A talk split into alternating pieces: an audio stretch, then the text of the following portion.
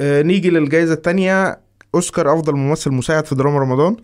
هختار طه دسوقي في مسلسل الصفاره آه، هو عامل الدور لطيف جدا وفاهم يعني ميزة الصفاره إن هو الممثلين كلهم على نفس التون كده إن أنت ما بتحسش إن حد واخد الموضوع مثلا جد عن الباقيين أو حد واخد الموضوع في سكة الهلس والكوميديا المبالغ فيها عن الباقيين. كل الناس على تون واحد. آه، طه دسوقي كان مثالي جدا في الحتة دي. طبعا خدمته الكتابة إن هو خد شخصيات لطيفة بالذات في حلقات مطربين المهرجانات الشعبيين أو في حلقة زي بتاعة البلطجية. فال- فالسيناريو اداله فرص في حلقات معينة وممكن في حلقات تانية يبقى ما ادالوش نفس الفرص. إنما هو عامل الدور هايل جدا. ولما بيرجع للشخصية الرئيسية اللي هو بقى وجيه الخجول اللي بيحترم أخوه وخلافه برضه بيبقى عامل الدور هايل.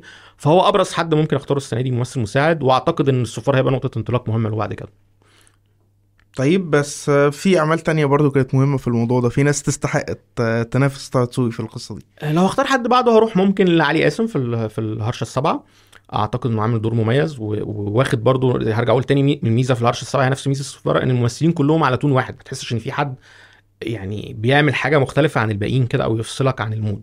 الشخصيات الرئيسية أغلبها كانت كده. آه، علي قاسم كان عامل دور كويس وال character نفسه جديد و fresh شوية إن إحنا يعني ما بنشوفش ال character اللي هو ما بيتكلمش كتير أو لو الكتوم أو كده ده آه، بيخلي برضو الكاركتر فريش على الناس كتير وهو عامله كويس ومن أبرز الحاجات اللي- طلعت من الهرشة السبعه يعني.